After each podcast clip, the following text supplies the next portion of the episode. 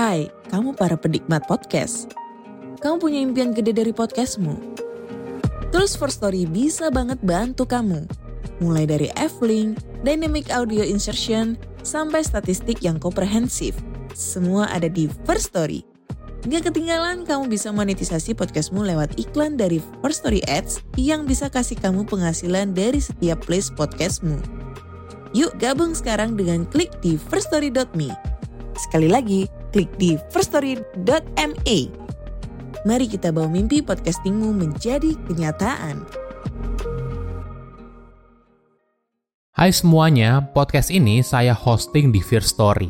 Kalau kalian belum pernah dengar Fear Story, ini adalah platform baru yang paling lengkap dan mudah untuk membuat, mendistribusi, dan mengelola podcast kamu.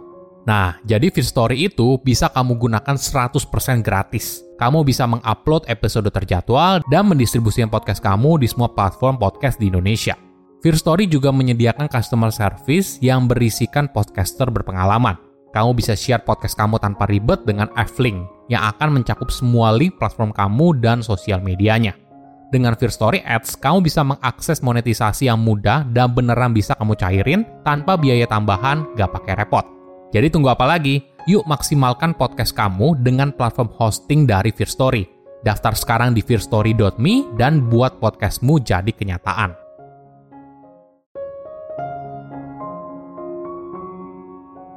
Orang yang kreatif mungkin bukan karena bakat, tapi mungkin saja orang ini bisa jadi kreatif karena berada dalam situasi yang tidak ideal. Di tengah segala keterbatasan, dia dipaksa untuk berkarya. Jadi dia harus bisa beradaptasi, belajar hal baru, dan mengubah pola pikirnya agar bisa memberikan hasil terbaik. Halo semuanya, nama saya Michael. Selamat datang di channel saya, Sikutu Buku. Kali ini saya akan membahas kalau situasi yang tidak ideal justru bisa membuat kita lebih kreatif. Ini merupakan rangkuman dari video TED Talk tim Harvard yang berjudul How Frustration Can Make Us More Creative dan diolah dari berbagai sumber. Dalam hidup, kamu mungkin pernah menemukan situasi yang tidak ideal. Entah sumber daya yang kurang, waktu yang terlalu mepet, dan sebagainya. Kita melihat segala kekurangan itu sebagai hal yang negatif. Tapi di tengah segala kondisi yang tidak ideal, kamu mungkin dituntut untuk memberikan hasil terbaik. Begitulah hidup tidak semuanya selalu berjalan sesuai dengan yang diinginkan. Tapi menariknya, situasi tersebut ternyata merupakan kesempatan untuk kamu jadi lebih kreatif. Kamu dipaksa untuk beradaptasi, menggunakan segala yang ada untuk bisa tetap berkarya. Di tengah segala keterbatasan, kamu dipaksa untuk belajar hal baru, mencari informasi baru, atau bahkan melihat tantangan dari perspektif yang lain. Semua ini yang lalu membantu kamu jadi bertumbuh secara pribadi, tanpa kamu sadari, mungkin saja momen itu merupakan momen kamu yang paling kreatif. Sebelum kita mulai, buat kalian yang mau support channel ini agar terus berkarya, caranya gampang banget. Kalian cukup klik subscribe dan nyalakan loncengnya.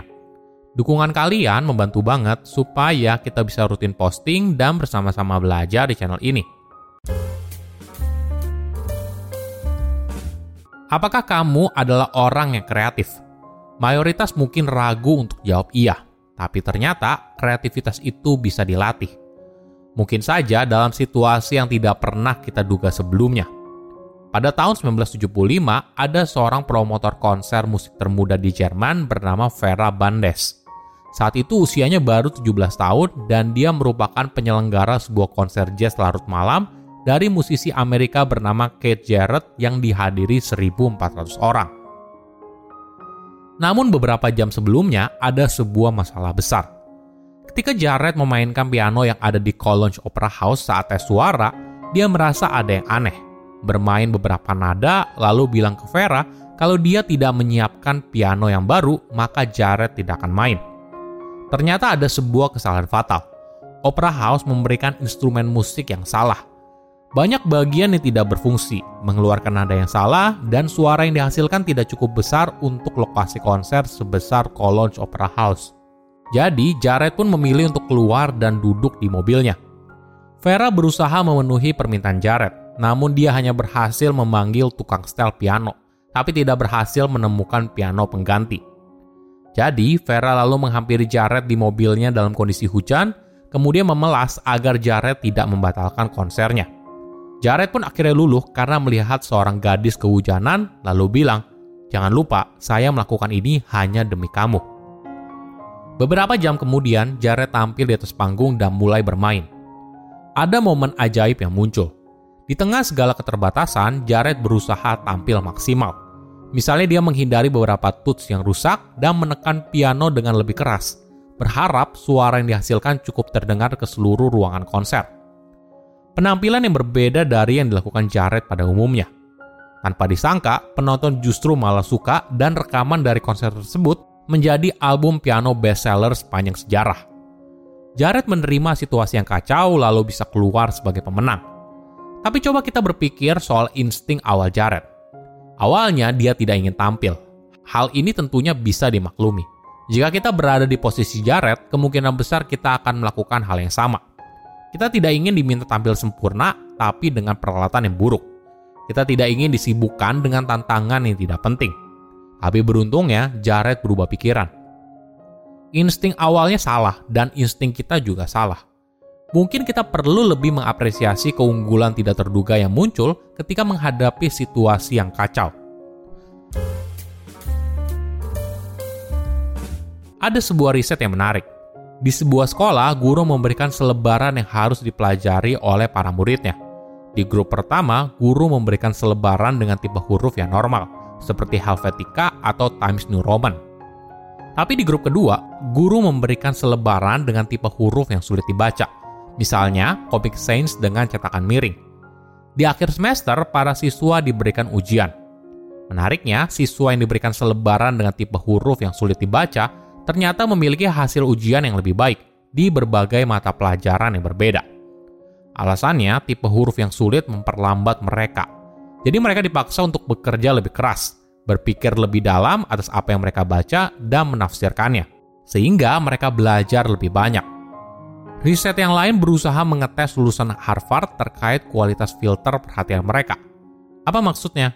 Bayangkan kamu berada di sebuah restoran yang ramai, kamu sedang ngobrol. Tentunya selain kamu dan lawan bicara, ada banyak orang lain yang sedang ngobrol juga kan? kamu harus bisa memfilter semua ucapan orang di sekeliling agar kamu bisa fokus pada percakapan. Apakah kamu bisa? Jika bisa, artinya kamu punya filter perhatian yang kuat. Tapi beberapa orang justru kesulitan. Beberapa responden juga mengalami hal yang sama. Artinya, ketika suasana ramai, bising, terlalu banyak orang, maka hal ini membuat mereka kesulitan untuk fokus. Tentunya filter perhatian yang rendah bisa jadi tantangan, apalagi jika kamu bekerja di perusahaan dengan konsep open office. Suara berisik dan orang yang lalu lalang merupakan sesuatu yang sulit dihindari. Namun riset membuktikan para responden yang punya filter perhatian yang lemah justru merupakan orang yang lebih kreatif. Mereka merupakan orang yang mempublikasikan novel mereka, mengeluarkan album musik pertama, dan sebagainya. Gangguan itu ternyata merupakan elemen penting dalam proses kreatif. Mereka bisa berpikir out of the box karena kotak mereka dipenuhi lubang. Kenapa tantangan atau situasi yang sulit justru membuat kita jadi kreatif? Pertama, punya mindset problem solving. Tantangan biasanya menghadirkan masalah yang harus dipecahkan atau kesulitan yang perlu diatasi. Ini yang memicu seorang untuk berpikir lebih kritis, melihat perspektif yang berbeda, hingga akhirnya menemukan solusi yang inovatif. Proses ini menstimulasi otak untuk berpikir dan mendorong pembentukan ide baru. Kedua, mendorong eksperimen. Ketika menemui sebuah masalah atau tantangan, kita mungkin mencoba berbagai pendekatan yang berbeda. Tidak melulu melakukan cara lama, bisa saja membuat kita mengeksplorasi cara baru. Proses uji coba ini yang membuat kita jadi kreatif. Ketiga, mendukung perkembangan diri. Tantangan sering kali mendorong batasan diri, entah dalam hal pengetahuan atau keahlian. Kita dituntut untuk belajar hal baru, keahlian baru, atau melihat dari sudut pandang yang lain. Proses belajar dan bertumbuh memperlebar pemahaman kita dan pada akhirnya membuat kita jadi lebih kreatif.